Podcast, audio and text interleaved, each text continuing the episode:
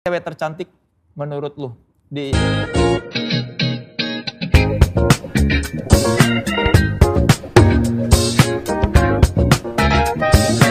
Tripod Show Sit and Relax. Kalau penyanyi Indonesia atau musisi Indonesia yang lu sangat kagumi siapa? Sangat kagumi. Penyanyi ya? Iya, Penyanyi. Oh, suaranya? Bebas. Yang maksudnya sosok sebagai penyanyi tuh lu wah kayak- gila keren banget ini. Oh. Iwan Fals. Hmm. Eh, memang itu memang pembawaannya ya, pembawaan kalau Bang Iwan itu kan pembawaan dari cara nyanyi dan segala macam di atas panggung, bla bla bla. Itu eh, siapa lagi yang keren ya? Andi Rif, keren. Hmm. Eh, yang unik, Otong Boyle, unik, keren. Itulah kira-kira. Kalau lu lebih ke kiblatnya ke Inggris apa Amerika? Kayaknya dua-duanya dia terpaksa akhirnya. Ah, dulu eh kalau pertama kali gue dengerin Nirvana berarti Amerika. Tapi abis itu mulai banyak dengerin musik Inggris. Karena eksentrik ya nih. Hmm. Kayak, wih kok dinamis banget nih gitu. Ini. Dengerin juga akhirnya dua-duanya masuk. Inggris Amerika. yang paling ada satu band kalau ditanya yang paling menurut lu oh ini dia nih, ultimate. Gua paling suka band ini apa? Akhirnya ya. Iya. eh eh, eh, gue paling suka pertama kali ke Cranberries soalnya. Cran- Cranberries? Cran- Cranberries. Eh, masuk aja itu nada-nadanya itu masuk aja ke ke ke perasaannya masuk Sebelum Nirvana, Cranberries. sesudah eh itu ah, kayaknya hampir bersamaan deh. Hmm. Kayak bersamaan. Jadi kan agak-agak gelap ya, sedih, melankoli. Habis itu akhirnya kalau di, dinamis gue paling suka Suede sebetulnya, Suede dari Hmm. dari dari Inggris. Eh, apa? Unik aja gitu. Dari musiknya unik, pemain bassnya unik, vokalisnya unik banget. Itu kayaknya ya. Kalau yang band yang koleksinya albumnya paling lengkap apa?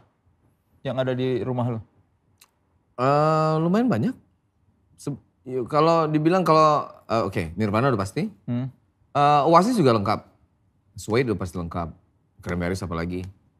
eh yang lengkap, eh Smashing Pumpkins nggak lengkap sih, cuma ada beberapa. Gue penyuka banyak musik sebetulnya. Jadi nggak Tapi terlalu- kalau nomor satu Cranberries bisa dibilang. Iya dah. Soalnya kayak beda kategori gitu.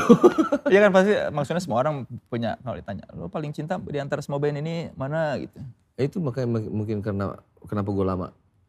Karena susah memutuskan itu. Kan lu punya waktu dari kecil sampai sekarang buat memikirkan itu.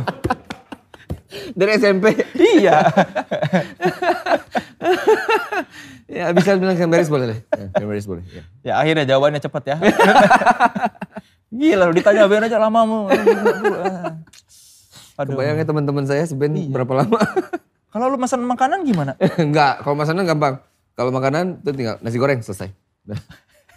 Udah. Enggak enggak enggak enggak. Ya itu pun menu orang bingung. itu adalah menu orang yang nggak tahu mau pesan apa. tuh. Bener. Ariel ini bener kayaknya cocok ada apa denganmu Riel.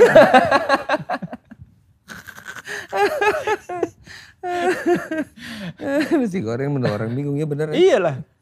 Menu ketika kalau di restoran, aduh nggak jelas nih, nggak nggak ngerti masakannya apa. Ada nasi goreng, kita pasti sudah minimal Aman. tahu lah. Aman. Minimal nggak enak nggak enaknya kita bisa punya ekspektasi segini kayaknya. Iya. Iya bener ya.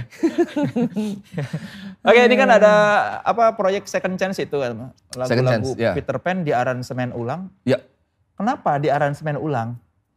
banyak alasannya. Satu yang paling masuk akal. Ini ada aja sih sebenarnya jadi kayak kayak kita mencari-cari alasan sebetulnya. mencari-cari alasan karena musisi itu paling seneng kalau membenarkan karyanya. Iya, iya. ya kan gitu, membenarkan karyanya. Eh, satu lagu-lagu itu atas nama Peter Pan. Ya. Masternya mungkin milik musika tapi masternya atas nama Peter Pan. Peter Pan udah gak ada Hmm. bandnya gitu. Sedangkan musisinya masih ada dengan nama Noah. Jadi kita bilang mungkin mungkin aja kita nggak tahu apa yang terjadi berikutnya, tapi daripada terjadi apa-apa, mendingan kita aransemen ulang dan dimaster ulang atas nama Noah. Kan lebih jelas. Kayak misalnya gini deh. Sekarang kita main di TV lagu Topeng. Itu ntar ada kreditnya pasti Peter Pan. Iya. Orang yang nggak tahu Peter Pan ya, masih generasi sekarang itu kan jadi nanya, itu kok tahu Peter Pan ini kan Noah. Jadi panjang aja, jadi ribet gitu. Belum secara tertulis Iya. dan segala macam gitu. Nah, jadi kayak oh paling bagus digituin, di di apa direkam ulang, master ulang. Di era Peter Pan memang ciptaan Peter Pan, bukan ciptaan penulis apa penciptanya langsung. Ada satu album memang gue bikin itu ciptaan Oh enggak, enggak, enggak, sorry sorry. Ada satu album itu Aduh ini rahasia tapi ya. Yang nggak tahu kan yang tahu. Coba kasih tahu, ini rahasia atau enggak? Menurut kalau kata manajer rahasia, baru kita tahu kan. Ada yang eh ada yang rights-nya itu satu band. Satu band. Heeh. Plus manajer-manajernya. Plus manajer-manajernya. Kok bisa kalian apa menerima manajer ikut rights itu? Kita kan namanya anak band. Cuman waktu itu kan memang ya udah kita main musik aja. Terlalu naif ya. Ah, mungkin bisa bilang terlalu naif atau ya terlalu naif. Udah jangan banyak-banyak. Biar cepat. terlalu naif betul. Oh makanya ini dire- direkam ulang supaya persoalan legal segala macam nggak berantakan. Berantakan. Tapi sih sebenarnya yang paling itu tuh yang paling mendorong itu adalah keinginan untuk lagu kita kalau dengerin tuh ya kayak anjir kenapa rekamannya kayak gini ya gitu. Hmm. Terutama Reza. Reza sendiri dia mengakui kenapa suara snare gue kayak kayak suara gayung Nah, Pluk, pluk, gitu. Karena ketidaktahuan kan pada saat rekaman itu zaman dulu. Tapi kadang-kadang ketidaktahuan itu jadi sesuatu yang bagus. Ah, tergantung sih kalau gue bilang ya. Malah kadang-kadang kalau terlalu dipoles dan jadi bagus, Jadi hambar. lugunya hilang. Ah, ya. Cuman kalau menurut kita nggak apa-apa lah. Plus ada, ada alasan lagi tambahan, ditambahin lagi alasannya. Plus ada beberapa lagu yang menurut kita tuh lagunya enak-enak. Hmm. Tapi beberapa lagu tuh nggak terpromosikan. Gitu. Jadi yang di aransemen ulang banyak itu adalah la- lagu-lagu yang tidak terpromosikan. Malah yang lagu-lagu kayak topeng gitu-gitu tuh nggak di aransemen ulang, tapi retake aja biar soundnya lebih tebal, lebih apa segala macam gitu. Makanya dikasih kesempatan kedua. Ya, kesempatan kedua untuk lagunya. Pertimbangannya apa? Dari antara sekian banyak lagu, oh ini yang direkam ulang, ini yang enggak. Semuanya, semuanya. Semuanya. Kecuali yang rights-nya bertabrakan aja. Yang rights-nya rame-rame, enggak. Rights-nya bertabrakan itu nggak di eh, nggak nggak di ini ulang. Ada sekitar dua lagu masalah. Rights-nya ya. Ya. Jadi itulah ya. Kita kasih kesempatan kedua. Kasih dong lagunya. Soalnya kan sedih. Gini deh. Yang tadi yang lagu dicontohin, teng teng ada cerita itu kan pas pertama kali bikin, itu bayangannya tuh wah. Zaman itu bayangannya adalah I love you. apa? Gitar akustiknya enak gitu kan. Pakai oh lagu ini gitar akustiknya yang warm itu kayaknya enak banget. Pas mau rekaman bilang kan, kayak akustik deh. Punya nggak gitar akustiknya? Buat rekaman nggak punya gitar akustik tuh mahal kalau yang bagus buat rekaman. Akhirnya kan pada saat itu akhirnya ya udahlah pakai gitar listrik aja. Jadi kan ada kekecewaan yang mendalam ya untuk seorang pencipta lagu gitu. Eh, Nah sekarang itu bisa dilakuin, eh, udah punya gitu. Oh kesempatan kedua tuh bukan hanya memberi kesempatan lagunya supaya terpromosikan, tapi juga memberi treatment yang, Yang pengennya ya. di- di- diinginkan zaman dulu. Apa sa- satu lagi ke kedua bintang di surga misalnya. Pas kita bikin demonya itu kayak wah oke nih gitu. Abis itu dimasukin eh, string, di mixing pas di mixing gitu bener, loh kok jadi gini? Dan waktu itu kan kita kayak eh, nggak punya knowledge ya, punya keinginan tapi nggak punya pengetahuan gitu. Gue pengennya kayak gini, ya udah gimana? Ya nggak tahu.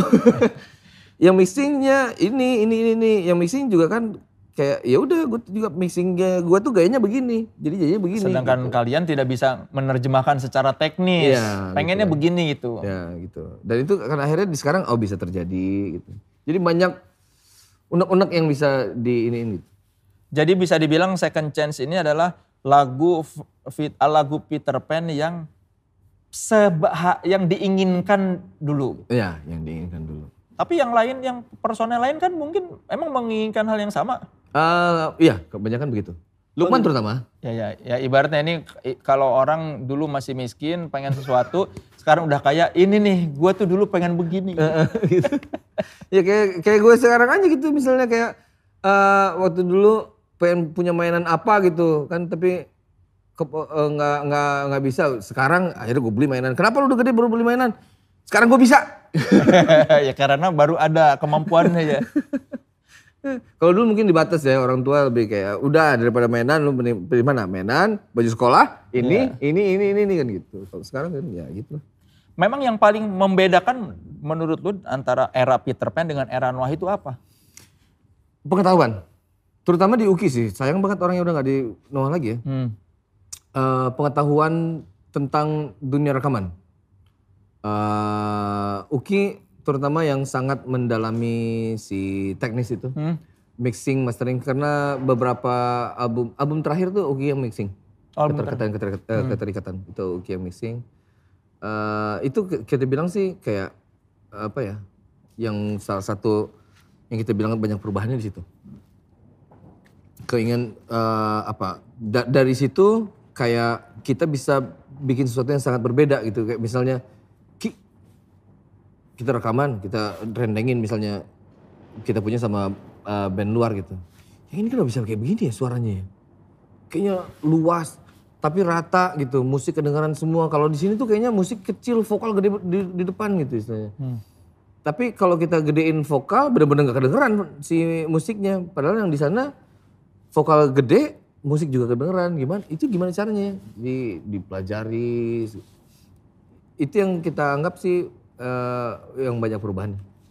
Berarti eh, perasaan ditinggalkan Uki itu apa yang paling apa kerasa hilangnya dari si- sisi seorang Uki? eh kalau digambarkan tuh kayak gue sempet bilang waktu itu, gue dari dari SMP sama dia, jadi kita ke JP, JP tempat CD-CD itu dulu di Bandung, janjian tuh, lu ulik Pro Tools, eh belum belum, gue ulik Cakewalk, lu ulik Sonar, Hmm. Eh, habis itu gue ulik eh, Fruity Loops, eh, Pro Tools. Jadi ada visi tentang satu hal gitu Hmm. yang selalu berkembang sampai ini dan sekarang tuh kayak nggak ada tandem buat itu sih akhirnya. Kayak terakhir-terakhir tuh masih kayak ki, ya itu kayak, kayak gue omongin tadi. Ini harusnya bisa kayak begini loh soalnya gimana caranya ya?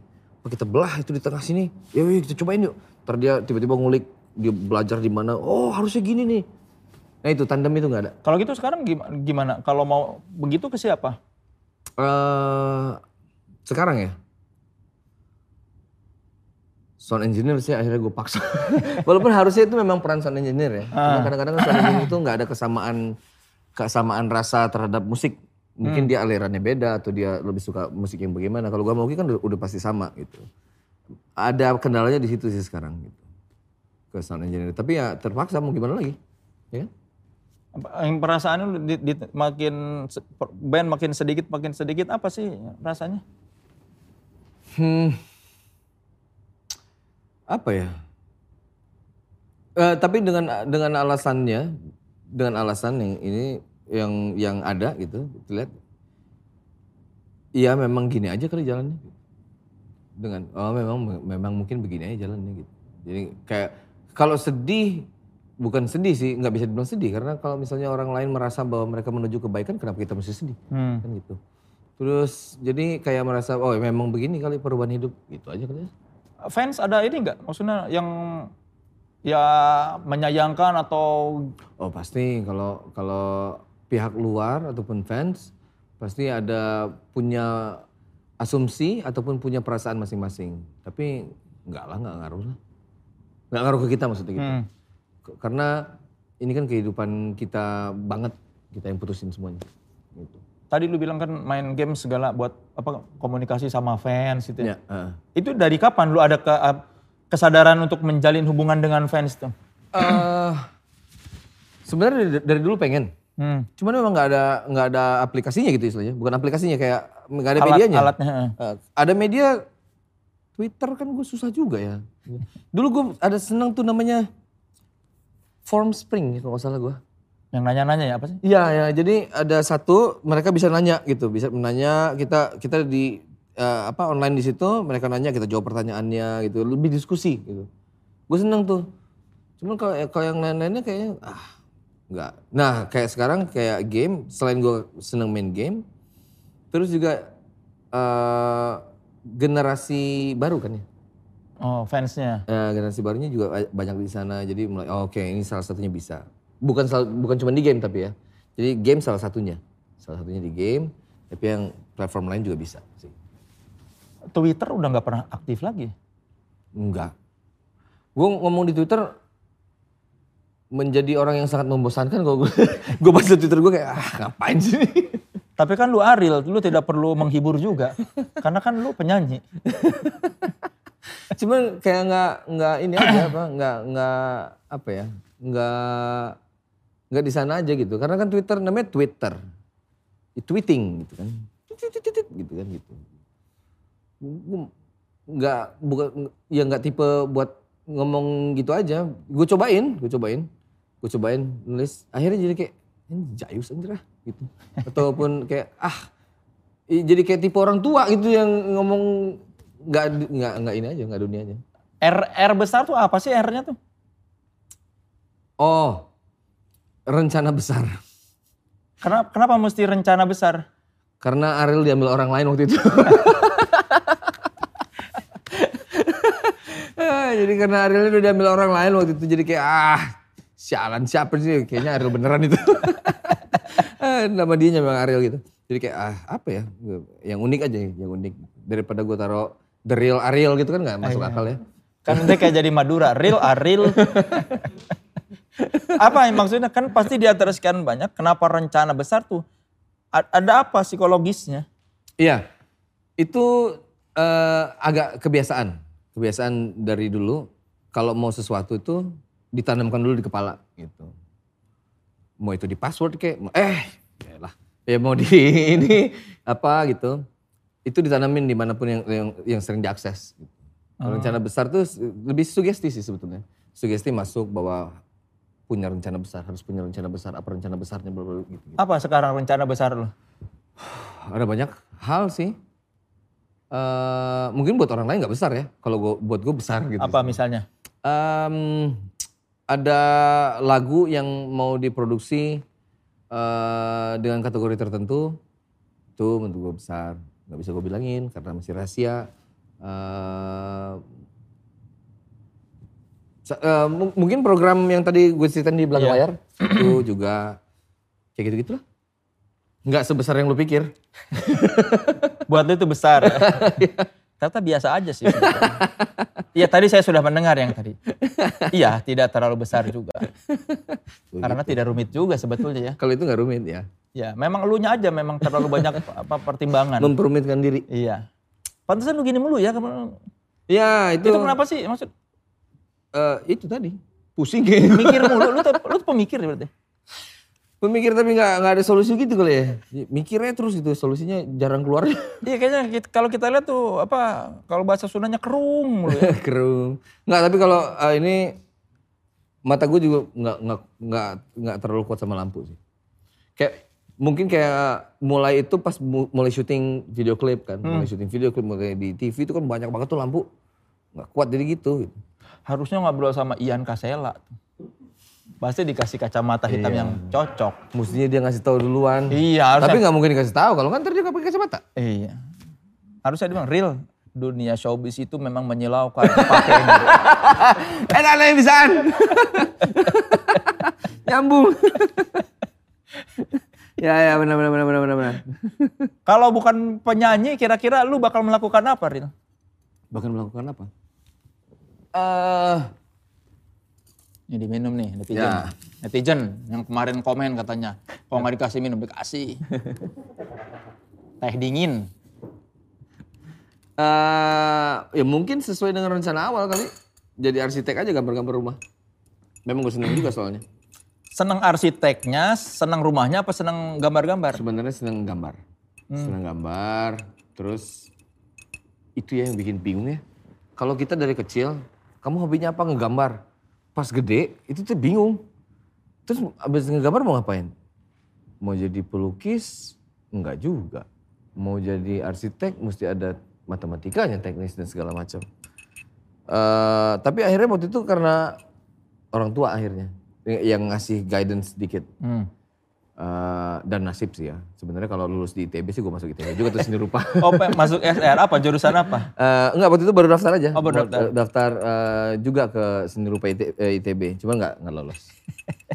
Terus bilang ya udah teknis aja deh, yang ini ada teknisnya ada seninya ya udah arsitek. doang." Arsitek. Ya. Jadi cita-citanya mah SR ya. Pengennya sih nggak sebenarnya gue nggak tahu mau jadi apa. Waktu SMP gue pengen jadi astronot tapi kan nggak mungkin. Iya. Gimana caranya? Mungkin aja sih tapi Ke Amerika. Mahal kayaknya. panjang lah. Iya, pilot aja mahal apalagi astronot. Ya. Ini gitu.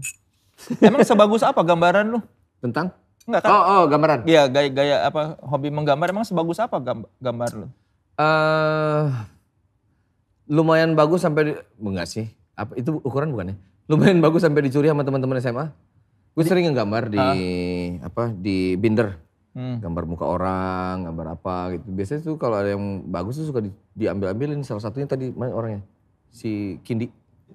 Yang sekarang jadi manajer tuh. Heeh. Teman sama gue kan. Dia suka ngambil. Kalau nggak salah yang dia ambil tuh gambarnya Gambarnya Dian Sastro kayaknya kalau nggak Oh, salah. gambar Diana Sastro. Lu ngegambar dari apa? Dari majalah apa imajinasi? Oh enggak, ada contoh. Heeh. Ada contoh. Itu baru gambar. Oh, bisa mahal kali tuh. Dian Sastro by Ariel gitu. Eh, tapi itu eh, project orang lain. Jadi waktu itu gue sempet, anjir. Ya waktu SMA, Heeh. ngegambar, dibayar rokok. Jadi orderan, Oh, gitu. orderan. Di temen gue misalnya, eh gambarin dong buat hadiah ulang tahun cewek gue nih gitu. Ini gambar, eh, foto ceweknya gitu. Habis itu kasih rokok sebungkus. Ya udah, gambar gitu. Ya, jadi kita tahu sekarang kalau tidak jadi penyanyi minimal Ariel jadi pelukis wajah di Blok M ya. Bisa jadi. Bisa jadi kan? Bisa jadi ya, betul. Ya, atau jadi mungkin visual artis kalau kerennya. Ya minimal mah kita tahu lah bisa nggambar ya. Bisa menyambung hidup lah ya. Ya, 3D design boleh dong, 3D Bisa, design ya. 3D design. Terakhir ngegambar kapan? Terakhir ngegambar, Am, ada kok akhir-akhir di Instagram gue tuh masih ngegambar kadang-kadang. Hmm. Gambar di iPad gitu. Cuman ini aja apa, ilustrasi aja. Eh, Iya, it- eh, ta- tahun lalu, tahun lalu. Album Peter Pan kenapa nggak? Ada nggak ilustrasi? Di album Peter Pan? Hmm. Enggak. Kenapa? Enggak kepikiran ke sana sih sebenarnya waktu itu. Ya kasih lah second chance kemampuan gambar. Udah ada orang lain yang ngegambar. eh. Pasti Bu Acin lebih seneng karena kan tidak ada budget buat ilustrator. Iya benar. Iya Benar, benar. Plus jadi nilai lebih. Oh ini gambarnya kan publik belum tahu bahwa Ariel Noah itu bisa menggambar dengan baik. Tapi udah, udah dimanfaatkan kok kemarin sama orang merchandise yang di musika udah dicetak udah. di kaos sudah. Udah kayak mau dijual sama dia. Oh, baru kepikiran mereka. Oke, kita nggak ada game lagi nih ya.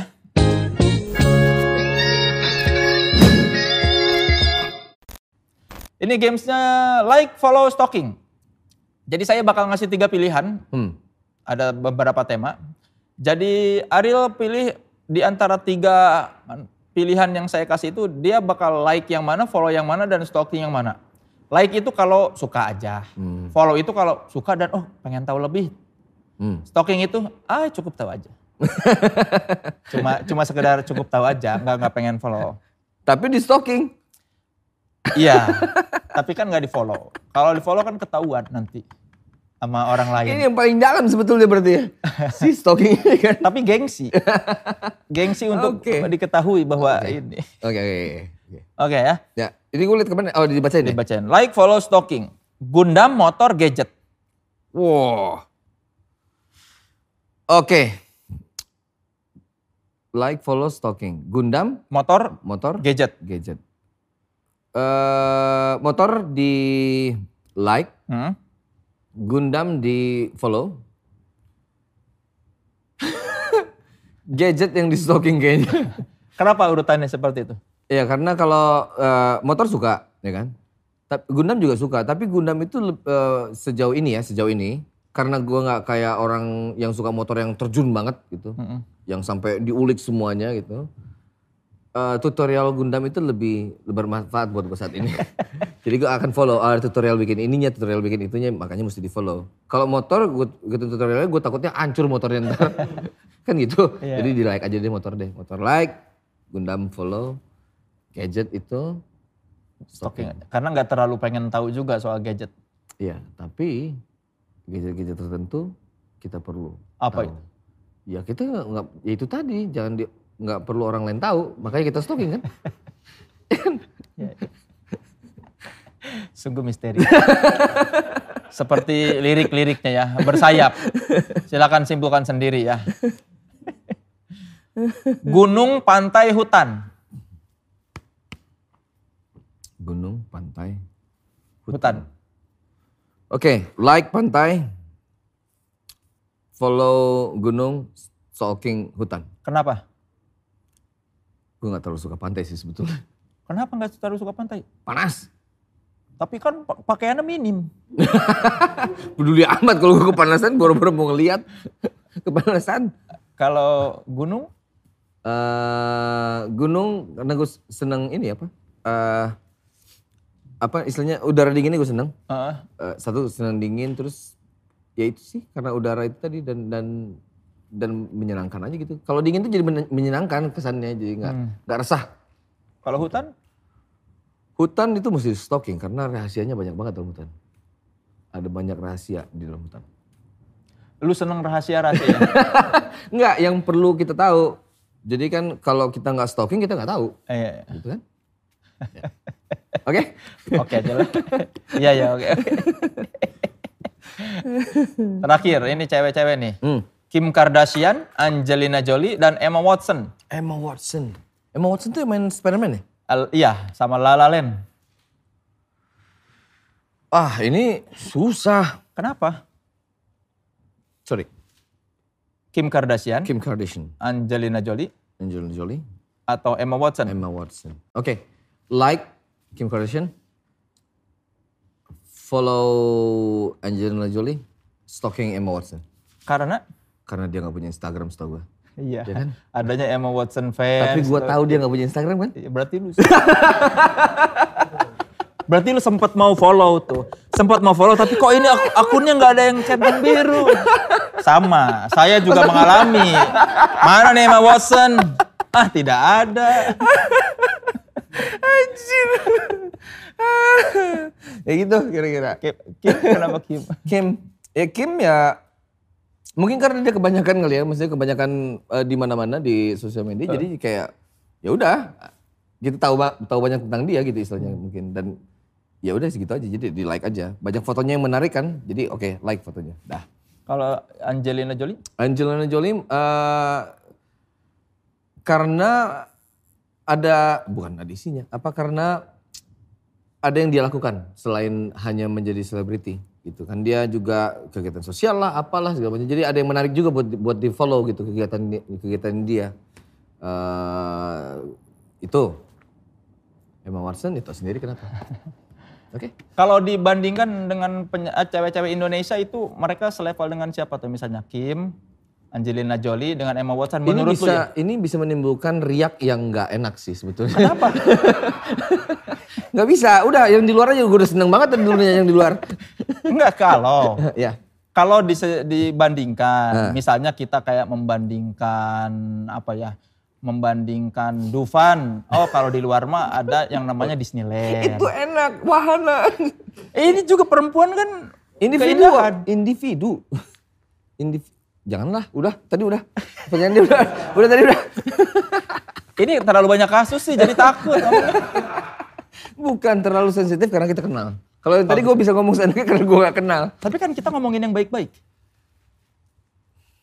Kan biasanya kita nggak enak tuh kalau misalnya menurut lu karya dia gimana. Nah kita nggak enak. Kalau ini kan kita memuji. Ini kan kita tadi bilang Hmm. Angelina Jolie banyak karyanya di luar. Iya. Prestasi. Terus Ini gue bilang kita- ada satu orang yang, yang karyanya nggak banyak gitu maksudnya. Enggak, maksud gua gini. Maksud gua gini, kalau dibandingkan dengan daya tariknya di Indonesia, ini mereka ini selevel dengan siapa kalau menurut lu ya? Antara Kim, Angelina Jolie, sama Emma Watson. Ini kita tidak bicara apakah mereka lebih baik dari yang lain atau tidak? Enggak, kalau daya tariknya menurut lo sebagai level seorang aktris di Indonesia nih, oh ini kayaknya ngelihat kayak ini nih gitu. Enggak apa-apa, emang Ari lama. Kita tunggu. kita tunggu, kita tunggu. Nggak bisa eh. Nggak. Bisa, cuma lu nggak mau aja. Iya sih betul. Betul, betul. Kenapa dia bisa straight to the point kayak gitu ya? Gue tuh mesti muter-muter langsung aja. Ya makanya hidup gua lebih bahagia. Iya iya benar benar benar benar. Udahlah kita lewat aja ya tadi udah ya dikit ya. Oke, dah. Oke, sip ya. Next pertanyaan lagi. Emang apa yang enggak enggak? Tolong kasih penjelasan kenapa isu itu tidak mau dibahas. Alasannya apa supaya kami menerima. Takutnya kan nanti dibilang, wah Ariel nggak asing nih. Takutnya ada netizen kan, tahu sendiri netizen. Kita nggak ngasih minum aja ada yang komplain nggak dikasih minum. kasih tahu, kasih tahu. Kasih Kenapa tahu. lu tidak mau membandingkan? Eh, itu tadi maksudnya gue takutnya kan tadi gue bilang Angelina Jolie kenapa gue lebih lebih apa lebih lebih follow dia dari daripada cuma like doang karena ada kegiatannya yang menarik untuk gue sedangkan eh, un- kegiatannya Kim menurut gue kalau buat gue kurang menarik Ya. itu. Nah kalau kita Indonesia kan, orang-orangnya saya kenal pak. Mungkin ini dilihat pak. Ya gitu aja sih. Iya. Ak- Kalau di Instagram cewek yang lu follow siapa aja? Nggak, ini kita nggak usah ngomongin itu ya. Untuk ini ya, ya beda beda beda. Ya ini beda Ya, konteksnya. Ya, betul. C- Coba dilihat uh, Ariel itu followingnya cewek siapa? Kan kalau kita ketemu gitu, Iya. Mas Anang gitu. Nah, Ril, aku tuh udah follow Instagrammu loh. Cewek. Oh, ini kita follow. kita Oh iya cewek. Ya. Ih, kita nge- ngebahas cewek. Eh hampir sama kejadiannya kayak gitu maksudnya. oh gitu. gitu kan. Iya follow ya follow ya. Nggak melambangkan juga apa yang tadi di itu maksudnya. Iya. Ah, oke. Kan sip. gua nggak Kalau udah clear kayak begitu oke. Silakan dilihat. Oke. Bisa ya di insert kan di video Ariel followingnya ceweknya siapa? Tidak menggambarkan yang perumpamaan tadi ya. Oke. Ya, karena ada juga nggak enak karena udah di follow. Gitu. Ada ya.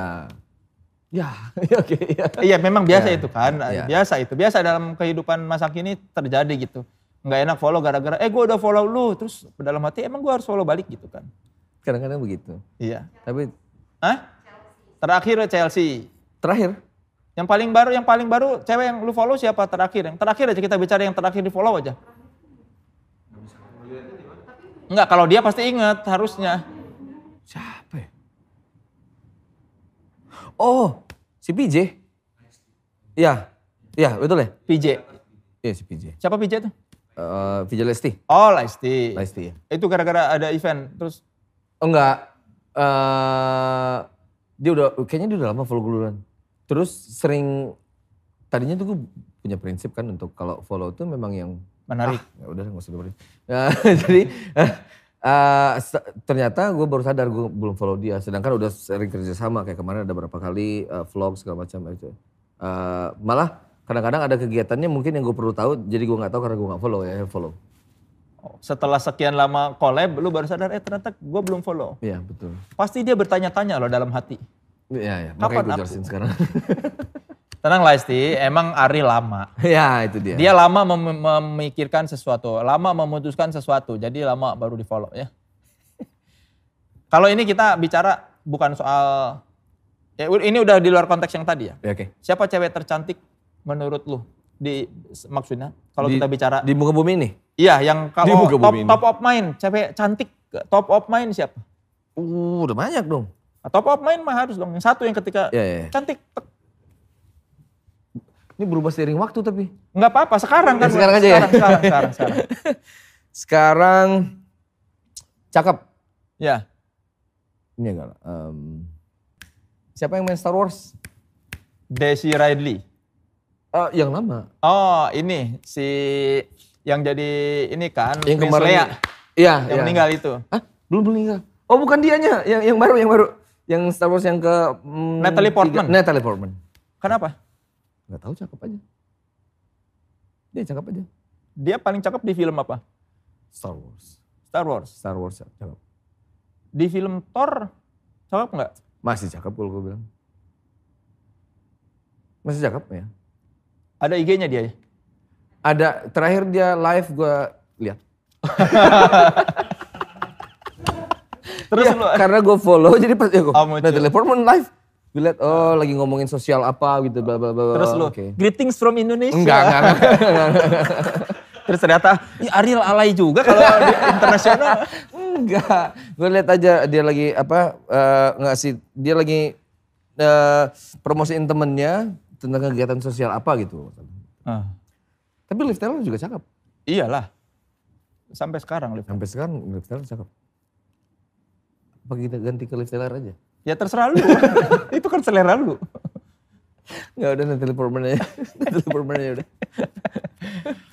Ada orang yang paling lu percaya siapa sih di dunia ini? Yang sampai lu mau menceritakan segala macam rahasia lu? Segala macam rahasia. Iya. Oh nggak ada dong. Yang enggak kalau kita ngomongin nih, orang yang paling lu percaya di dunia ini siapa? Ada. Tapi nggak segala macam rahasia. Tapi yang paling lu percaya siapa? Eh ada, tapi gue gak akan bilang. Karena nanti kalau gue bilang satu orang, yang satu lagi bilang, oh ternyata bukan gue. Ntar dia mulai, ah udah, gue nggak usah simpen kepercayaannya kalau gitu. Iya, iya. Memang banyak pertimbangan gitu.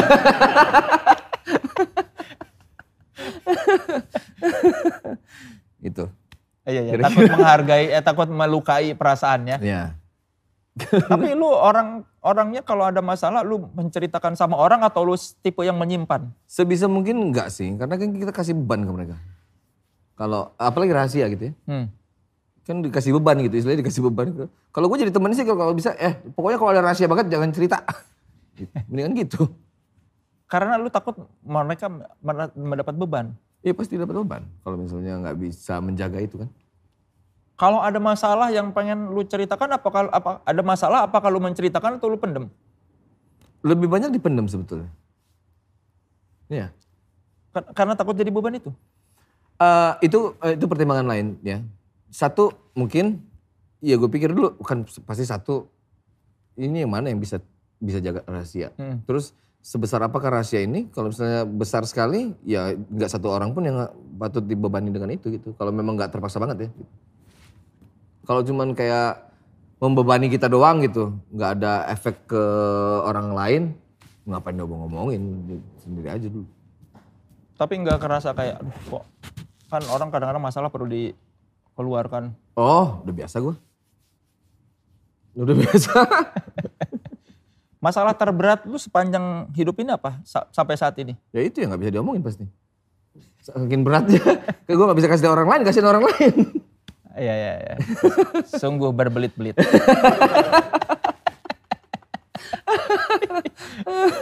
Tapi kalau kita bicara konteks kebahagiaan saat ini, Ya. level bahagia seorang Ariel tuh ada di level apa? 1 sampai 10. Di level apa? Iya, di level mana? Kalau kita bicara, apakah Ariel bahagia dari 1 sampai 10 skalanya lu? Oh di- sekarang ini ya? Iya. Gue di mana gitu posisinya sekarang? Hmm. Eh, ah gue bisa bilang gue di level 8. Bisa. Apalagi yang kurang? Pernah yang merasa pasti bukan kurang masalah lagi sih gue. Iya. Pernah merasa apa tadi? Kesepian? Pernah merasa kesepian? Kesepian. Udah biasa gue kesepian. gue pertama kali eh, enggak, gue dari dari kecil memang suka merasa kesepian. Gue agak aneh dikit kayaknya. Kenapa? Nggak tahu kadang-kadang suka kerasa sepi aja. Di mana ya? Di gue kecil di Aceh kan ya. Hmm. Aceh itu kan kota yang sepi memang. Kota yang Hmm. sepi. Di Langsa, sorry. Di Langsa bukan di- Aceh besar. Kotanya sepi, kompleksnya baru. Eh, setiap hari tuh karena gue paling kecil, gue nggak, ya diem di rumah. Hmm. Kakak semuanya sekolah, gue mesti ini. Jadi sering gue nggak tahu mau ngapain, gue diem aja gitu. Eh, itu satu. Terus kalau semisalnya dunia yang dijalanin pun setelah waktu SMA gue gak kesepian sama sekali. Sama sekali gak. SMA, SMP, SMA gak. Gue mulai kerja gue mulai kesepian. Karena eh itu tadi ada ada boundaries yang ini kan kayak misalnya setiap kali tour yang gue lakuin kalau orang lain tour ke kota-kota ini kota itu bisa ke mana-mana gue kalau gue di kamar hotelnya dia udah mau ke mana lagi keluar dari kamar hotel orang lain susah gue susah orang lain susah gitu Jadi udah biasa sepi ya. Hmm. Sorry, kesepian dan sepi memang beda, tapi hampir hampir ini sih. Tapi tidak membuat lu sedih itu kesepian tuh. Awalnya. Tapi kan nanti juga semua orang akhirnya kan sendirian juga, jadi dibiasain aja dulu. Nanti tato Arman Robuka aja ya. Iya kan? Pada lahirnya sendiri, keluarnya sendiri juga ya. Tapi Sali tidak sendiri tuh. Sali itu tidak sendiri tuh. Sali sendiri. iya, Sali. Enggak ada sendiri juga ntar semuanya. Eh jadi lu or- orang yang terbiasa dengan kesepian ya. Akhirnya terbiasa. Jadi lu ketika lu kesepian tuh tidak lu tidak mencari orang untuk menemani kesepian atau buat biar menjadi ramai ya. Enggak. Eh, apalagi zaman sekarang. Kayaknya zaman sekarang agak susah orang kesepian ya. Maksudnya alternatif tuh banyak banget. Dengan adanya hiburan di mana-mana gitu maksudnya. Terus kesepian kalau misalnya kesepian yang memang gua nggak bisa ke mana-mana. Ada aja cara ngakalin ya sih sebetulnya. Gue cari kegiatan apa kek, bikin apa kek gitu. Mungkin karena itu gue banyak ngerjain apa-apa gitu. Salah satu jalan keluar. Ya jalan keluarnya. Oke saudara-saudara, aduh sungguh inspirasional sekali ya obrolan kita dengan Ariel sekarang. Saya mau tanya kalau apa ada ini enggak kata-kata bijak atau kata-kata motivasi yang lu dari dulu aduh gua ini banget nih. Suka banget sama kata-kata ini sehingga menjadikan lu apa semangat yang bisa dibagi buat para penonton Tripod Show. Oh. Banyak ya gue koleksi sih kata-kata bijak. Sangat membantu dalam kehidupan soalnya. Yang paling apa? Yang, yang paling ini, yang kira-kira relate buat Buat orang umum. banyak. Iya, buat orang banyak. Gandhi. An eye for an eye and the whole world goes blind. Mata dibalas mata, akhirnya satu dunia buta. Jadi jangan dendam. Ya i- beda- banyak sih maksud gue ininya. Salah satunya itu ya, jangan dendam itu. Karena akhirnya kalau mata dibalas mata itu satu dunia buta kata Gandhi kan gitu. Berarti lu gitu. Kalau ada orang memperlakukan lu dengan tidak baik, lu tidak pengen membalas dia dengan Tergantung. Enggak, enggak, enggak. Enggak lah, ada eh, ada cara-cara yang lain lah gitu. Kalau gue bilang buang-buang waktu gue sih ngapain? Iya kan?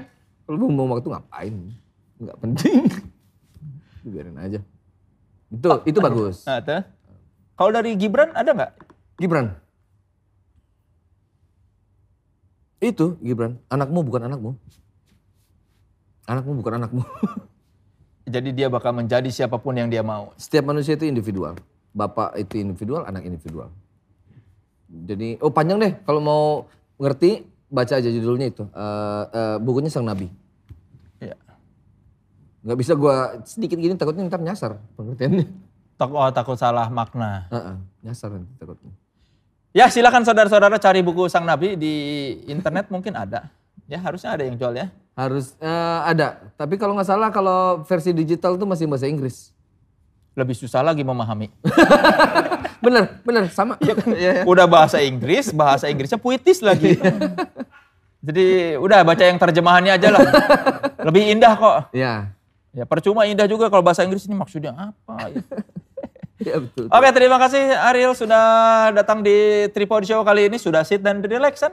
Oh, dari tadi gue relax banget. Hampir semua rahasia gue kebuka nih gara-gara dia nih. Sayang sekali masih ditahan-tahan. Sekali lagi yang bisa kita ambil pelajaran dari Ariel adalah bahwa ya Jangan lama-lama kalau bikin keputusan Iya. itu ya. Akhirnya tapi ada tidak pandemi. Nggak, Ariel membuktikan bahwa untuk menjadi besar seperti seorang Ariel Noah ini dia tidak main-main dalam hidupnya. Dia mempertimbangkan masak-masak atau dengan baik semua langkah yang diambilnya. Jadi kalau Anda bertanya apakah Ariel bisa sukses dengan cara yang mudah? Tidak. Dan bu- juga bukan dengan cara yang instan. Karena semua ternyata dipertimbangkan dengan matang. Ternyata. Ya. Eh, ada juga yang enggak sih?